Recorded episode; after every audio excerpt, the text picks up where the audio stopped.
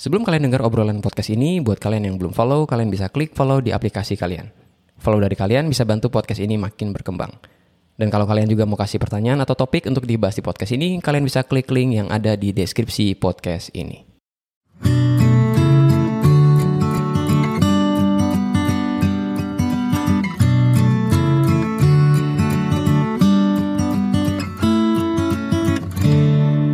Halo semua, selamat datang di podcast Pak Kris. Dan di podcast kali ini setelah 4 bulan absen gak buat episode baru, akhirnya gue buat episode juga dan kali ini gue lakukan hal yang berbeda. Gue ingin cobain rekam podcast ini, uh, rekam pakai video maksud gue. Dan gue coba taruh di YouTube. Dan kalau kalian suka mungkin bisa kasih like ataupun kasih komen ya. Dan setelah 4 bulan absen, gue juga say thank you buat kalian yang sudah dengerin podcast ini. Dan kemarin gue dapet pengumuman dari hosting dari podcast ini bahwa gue dapat sekitar udah dapat sekitar 1000 downloads ya. Jadi lumayan banget dan semoga podcast ini bisa jadi blessing buat kalian ya. Nah, di episode kali ini gue ingin uh, sharing beberapa hal atau beberapa pertimbangan yang bisa kalian coba pertimbangkan kalau kalian mau sekolah di luar negeri ya. Jadi sekolah di luar negeri ini merupakan suatu keistimewaan kalau kalian bisa dan merupakan suatu kebanggaan juga, tapi juga di balik itu juga ada sebuah beban. Dan ada banyak pertimbangan yang mesti kalian pikirin matang-matang sebelum kalian memutuskan, sebelum kalian ngambil tindakan untuk sekolah di luar negeri. Gue sendiri punya pengalaman selama satu tahun, eh, satu tahun tiga bulan gue sekolah di Jepang untuk S2. Kemudian selama dua tahun tiga bulan gue juga sekolah di Prancis untuk S3. Jadi most likely gue tahu pertimbangan apa aja dan bahkan gue juga bisa sharing pengalaman ketika gue mulai melihat pertimbangan ini menjadi sebuah kenyataan ketika gue sekolah dulu ya. Oke nah pertimbangan ini di luar dari pertimbangan akademik ya. Gue yakin kalian sudah tahu jurusan yang akan kalian pilih universitasnya juga kotanya juga. Jadi soal akademik gue serahkan sama diri kalian sendiri. Gue di sini hanya bantu pertimbangan dalam hal di luar dari akademiknya ya Nah, pertimbangannya apa aja? Gue coba akan jelaskan dan sharingkan. Itu ada setidaknya ada tiga pertimbangan. Yang pertama adalah kemandirian. Nah, gue ingin kalian bertanya sama diri sendiri nih, buat kalian yang pengen sekolah di luar negeri ya, terutama buat kalian yang sekarang masih SMA, pengen sekolah di luar negeri, tanyain berapa, seberapa baik kalian itu bisa mandiri, ya. Jadi, tanya sama diri sendiri, apakah kalian sekarang ini cukup mandiri ketika ada di rumah, ya kalau di rumahnya sekarang lagi ada orang tuanya, kemudian banyak sanak saudara juga, kemandirian kalian ini kurang teruji. Tapi bisa aja tanya sama diri sendiri, apakah kalian cukup mandiri atau enggak. Gue kasih contoh tentang kemandirian ini ya. Kalau kalian sekolah di luar negeri, maka most likely yang akan memikirkan makan kalian adalah diri kalian sendiri. Terserah kalian mau mak mau masak sendiri atau kalian mau beli dan pengalaman gue kalau beli makanan itu mahalnya mahal banget walaupun sekali dua kali sih kalian punya beasiswa yang cukup banyak kemudian makan di luar itu nggak masalah. Tapi begitu dilakukan sampai berbulan-bulan, itu bisa bikin duit kalian itu jadi menipis dan kalian nggak bisa menikmati hal yang lain. Maksud gue, duit itu kan sebenarnya bisa dialokasikan buat yang lain, bukan cuma buat makan. Ya, maka tanya sama diri sendiri, apakah kalian cukup wise atau apa? Apakah kalian cukup jago masak nih? Apakah kalian bisa masak dan kalian bisa hidup di luar negeri ya itu karena gampang banget kalau di rumah apalagi kalian yang dari kecilnya sampai SMA-nya mungkin atau sampai S1-nya ini tinggal sama orang tua yang tinggal duduk diam di meja makan kemudian makanan datang sama kalian. Adalah sebuah ujian yang sangat berat begitu kalian mikirin makanan sendiri. Oke itu tentang masaknya ya. Yang selanjutnya tentang kemandirian adalah apakah kalian cukup mandiri kalau kalian sakit? Ada banyak orang yang kalau sakit itu cukup panik kemudian dia juga sangat tergantung sama orang lain. Bayangin kalau kalian tinggal di negeri orang, kemudian kalian nggak kenal dengan banyak orang, tiba-tiba sampai di sana, kalian mengalami yang namanya uh, weather shock ya, apalagi pergi ke negara yang empat musim, beda banget dengan di Indonesia, maka kemungkinan buat kalian sakit itu gede banget teman-teman ya. Oleh karena itu coba pikirkan sama diri sendiri, coba uh, tanya sama diri sendiri, apakah gue ini adalah anak yang manja ketika gue sakit? Apakah gue sangat tergantung dari, apakah gue sangat tergantung sama orang lain? Itu maksud gue, ya. Gue akan sharing ketika gue dulu di Jepang, gue sempat sakit uh, dari Indonesia, kemudian gue keluar negeri ke Jepang waktu itu, dan sempat juga balik lagi ke Indonesia uh, dan ketika gue balik lagi ke Indonesia buat ada satu conference di Indonesia kemudian gue balik lagi ke uh, Jepang di situ gue ngal ngalamin yang namanya sakit kan. Begitu gue sakit uh, sakitnya cukup ringan sih kayak cuman flu aja ya. Tapi flu-nya menurut gue sih agak-agak berat ya. Ringan tapi kok berat gitu. Maksud gue begini itu lumayan bikin gue ngerasa takut dan gue juga takut merasa bahwa uh, eh, gue akan menjadi beban buat orang lain itu satu ya. Dan gue bersyukur pada saat gue lagi sakit ini gue punya temen yang kebetulan dalam satu apartemen yang sama dan kami sharing apartemen dan dia berasal dari kampus yang sama dengan gue dan gue udah kenal dia selama empat setengah tahun waktu dia satu dulu. Gue bersyukur dia yang memenuhi kebutuhan gue dia yang belanja dia yang masakin juga buat gue kemudian gue tinggal uh, minum obat dan makan dan akhirnya gue sembuh ya. Maka pertanyaan gue buat kalian adalah apakah kalian cukup mandiri waktu kalian sakit ya? Dan sakitnya itu bisa macem-macem ya. Kalau kalian mau keluar negeri, saran gue obat-obatan. Kalau kalian punya obat pribadi maka mesti dibawa ya. Dan yang namanya kemandirian ketika bawa obat pribadi juga kalian mesti ingetin sama diri sendiri. Ada kemungkinan sampai sekarang kalian masih diingetin sama orang tua ya. Itu. Oke, selanjutnya tentang kemandirian adalah apakah kalian cukup mandiri dalam hal emosi? Maksud gue gini, begitu kalian ada di luar negeri, kalian itu akan ngalamin yang namanya emotional roller coaster. Ketika kalian datang pertama kali, kalian itu akan ngerasa apa ya? Menurut gue akan ngerasa sangat excited gitu loh.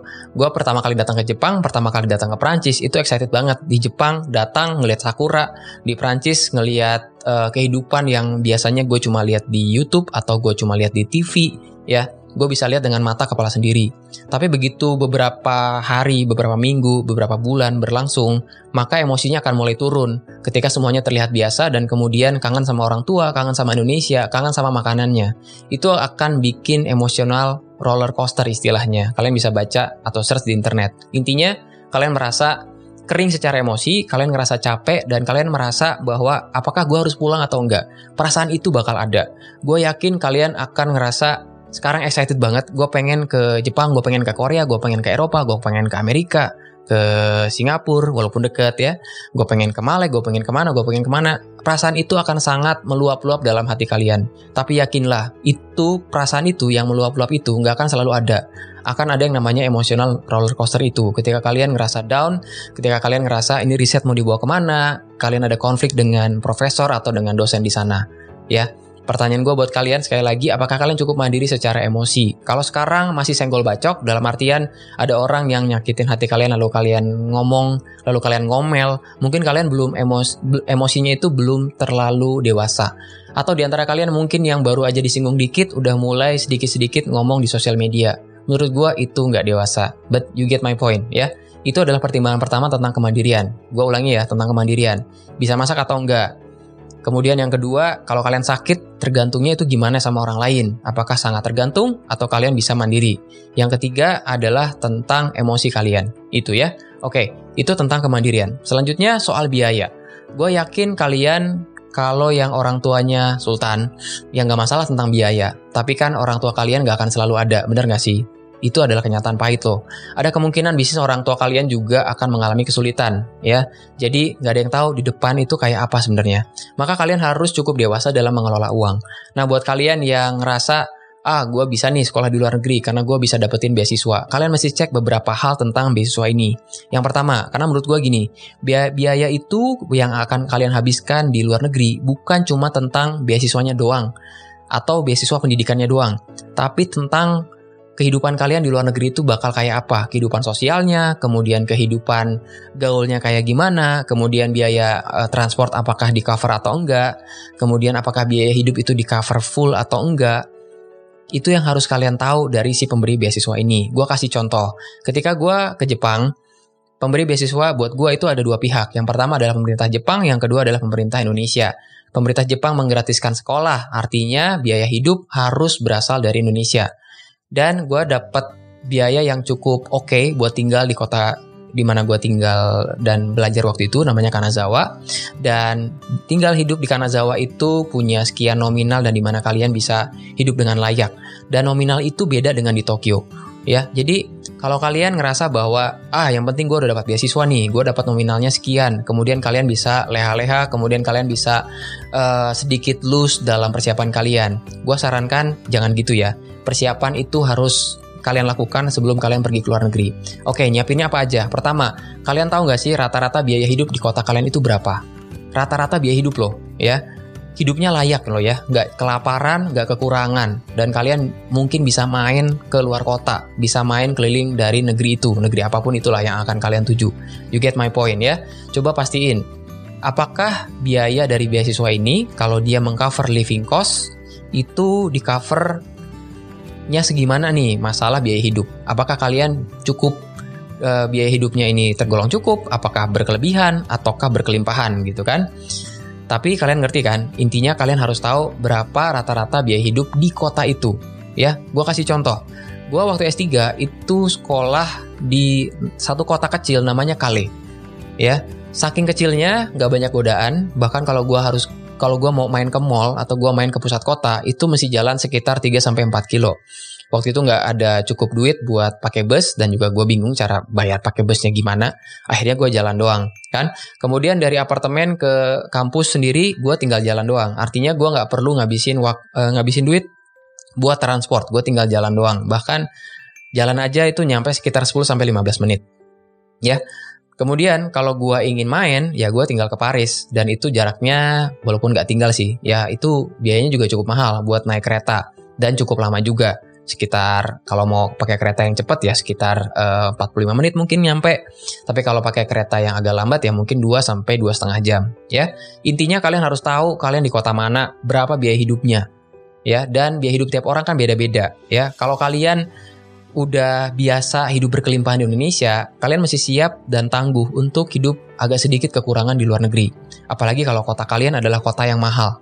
Ya, tadi gue kasih contoh di Kale gue bisa hidup sekitar let's say 500 euro itu buat gue sih cukup ya dalam satu bulan. Tapi 500 euro itu kalau gue sekolah di Prancis atau sorry bukan di Prancis, kalau gue sekolah di Paris itu biayanya akan naik gitu loh 500 euro mungkin gak cukup. Mungkin gue harus langganan yang namanya kartu kereta, kartu metro atau kartu RER kalau kalian pernah ke Paris atau kalian tahu uh, Paris itu kayak gimana sistem keretanya ya. Intinya riset yang banyak. Berapa sih biaya hidup yang harus kalian sediakan setiap bulannya? Apakah beasiswa itu cukup atau enggak? Ya, itu tentang biaya hidup. Kemudian, cari tahu nature atau karakteristik dari beasiswa itu kayak gimana. Gue gua kasih contoh ada banyak beasiswa yang bayarnya itu nggak telat dari si pemberi beasiswa ke kita. Misalnya, tiap tanggal 10 bakal ditransfer, tiap tanggal 1 mungkin bakal ditransfer, tiap tanggal 25, tiap tanggal 27, itu terserah si pemberi beasiswanya. Tapi intinya adalah selalu on time dan nggak pernah dia terlambat. Kalau kalian dapetin beasiswa kayak gitu, bagus buat kalian. Beda sama gue, waktu gue di Jepang, gue mendapatkan beasiswa dari pemerintah Indonesia yang terkadang terlambat. Terlambatnya bisa 2 sampai 3 bulan. Sampai benar-benar nggak punya duit, itu ngabisin semua mungkin hampir semua stok Indomie eh, ya mie instan yang gue punya di apartemen gue dan temen gue waktu itu sharing tentang Indomie ini. Karena duitnya memang gak cukup.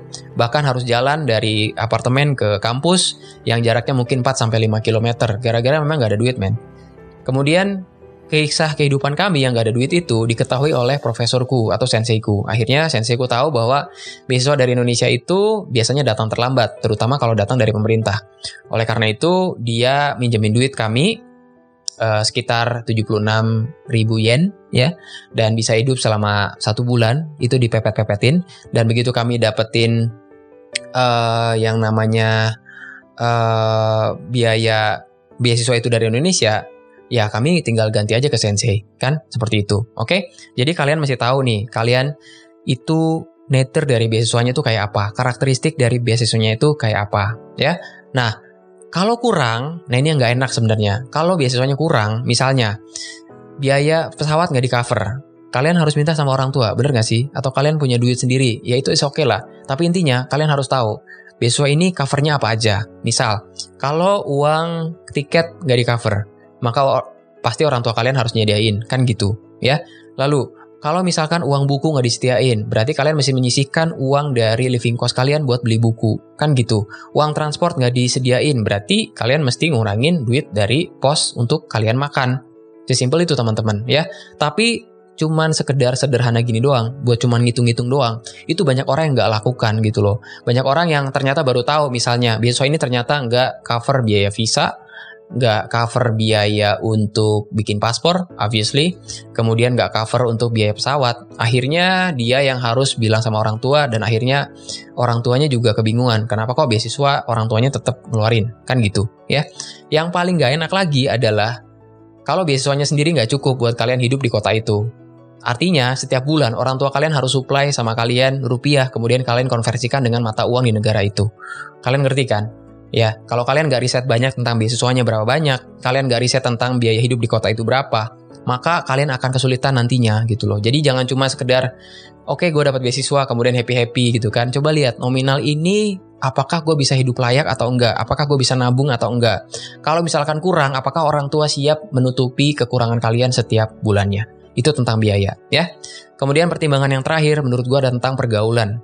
Pergaulan di luar negeri itu kalau menurut gue sih sangat-sangat berbeda dengan Indonesia, ya.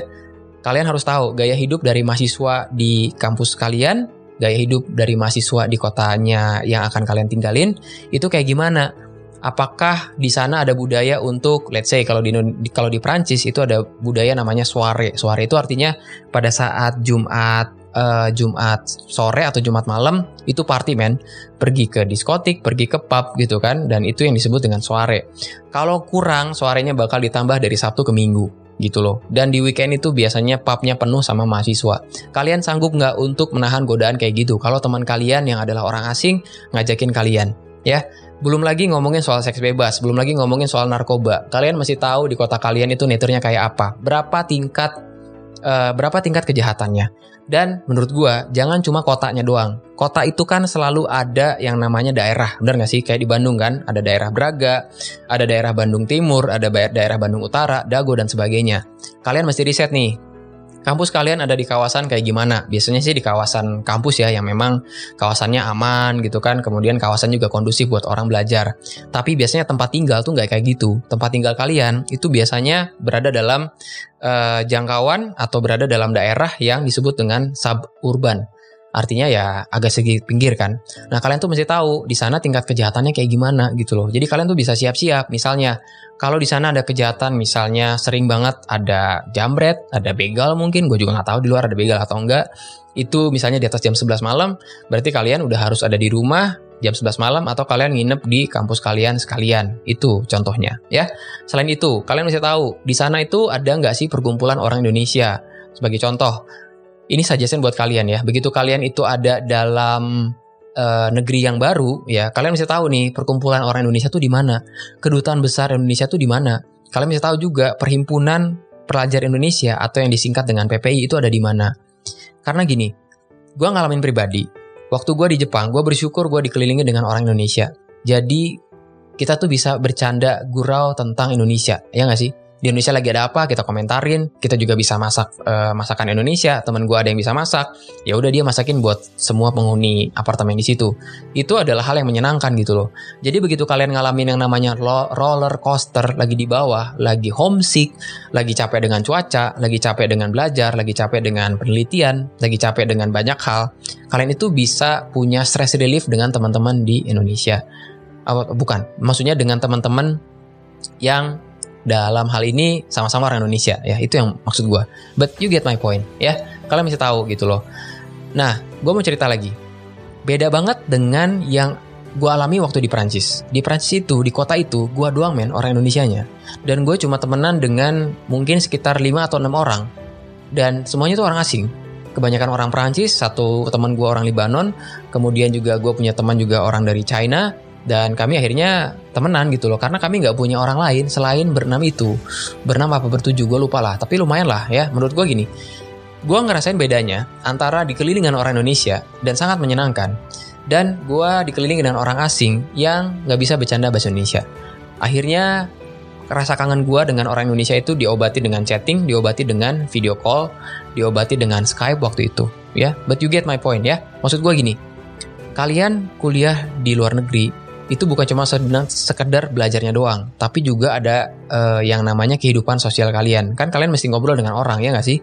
Kemudian bukan cuma soal belajarnya doang, bukan cuma soal beasiswanya doang, tapi ada banyak yang mesti kalian pertimbangkan ya. Jadi di sini gue cerita ada tiga hal. Yang pertama kemandirian, tentang sakit, kemudian kalian tentang ngelola emosi, kemudian juga soal biaya, gimana cari kalian ini bisa ngelola duit, apakah cukup atau enggak beasiswanya. Kemudian yang terakhir adalah tentang pergaulan, ya, karena gue ngalamin pribadi satu kisah di mana gue ada di S2 di Jepang, gue dikelilingi dengan orang Indonesia dan gue sangat bersyukur. Sementara di kisah lain banyak hari-hari gue itu isinya stres semua karena gue nggak tahu gue mesti cerita sama siapa. Waktu beda 6 jam men, bayangin aja waktu itu beda 6 jam antara uh, kota di Kale dan juga di Bandung, ya kan? Jadi menurut gue nggak gampang ketika ada di luar negeri itu nggak gampang. Oke, okay? jadi itu yang bisa gue sharingkan di podcast ini. Intinya kalau gue boleh ambil kesimpulan, sekolah di luar negeri adalah perkara yang besar teman-teman. It's a big deal. Ya. Kalian akan mengalami yang namanya lelah emosi. Kalian akan mengalami yang namanya putus asa. Kalian akan mengalami yang namanya homesick. Walaupun kalian sekarang ngerasa gue capek di rumah terus, gue capek kayak dikelilingi dengan keluarga, gue pengen agak sedikit hidup bebas, dan gue kalau ngelihat teman gue di Instagram, gue ngelihat orang-orang dapat beasiswa di Instagram atau di YouTube, gue ngelihat semua kehidupannya oke. Okay. Semua yang ada di sosial media, semua yang ada di YouTube itu biasanya adalah sedikit snapshot. Snapshot itu kalian ngerti kan, hanya potret doang gitu loh, nggak menggambarkan seluruhannya. Gue yang sudah ngalamin di Asia Timur, gue yang sudah ngalamin di Eropa, sekolah di luar negeri bukanlah sebuah perkara yang mudah dan di sini gue sharingkan tiga pertimbangan sebelum kalian mau sekolah di luar negeri. Gue bukannya melarang kalian sekolah di luar negeri, tapi coba pertimbangkan macam-matang. Matang-matang ya. Yang pertama, tentang kemandirian. Yang kedua, tentang biaya, berapa banyak beasiswa yang akan kalian uh, dapetin. Kemudian yang ketiga, tentang pergaulan. Ya, oke? Okay? Itu aja yang bisa gue bagikan di podcast kali ini. Gue berharap podcast ini bisa kasih blessing buat kalian yang ingin sekolah ke luar negeri. Sampai jumpa di episode selanjutnya. Sampai ketemu. Bye-bye.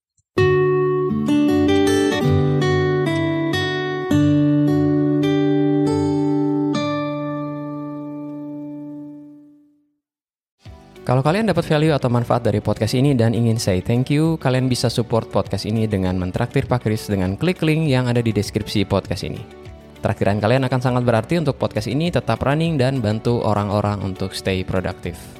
I'll see you guys later dan stay productive.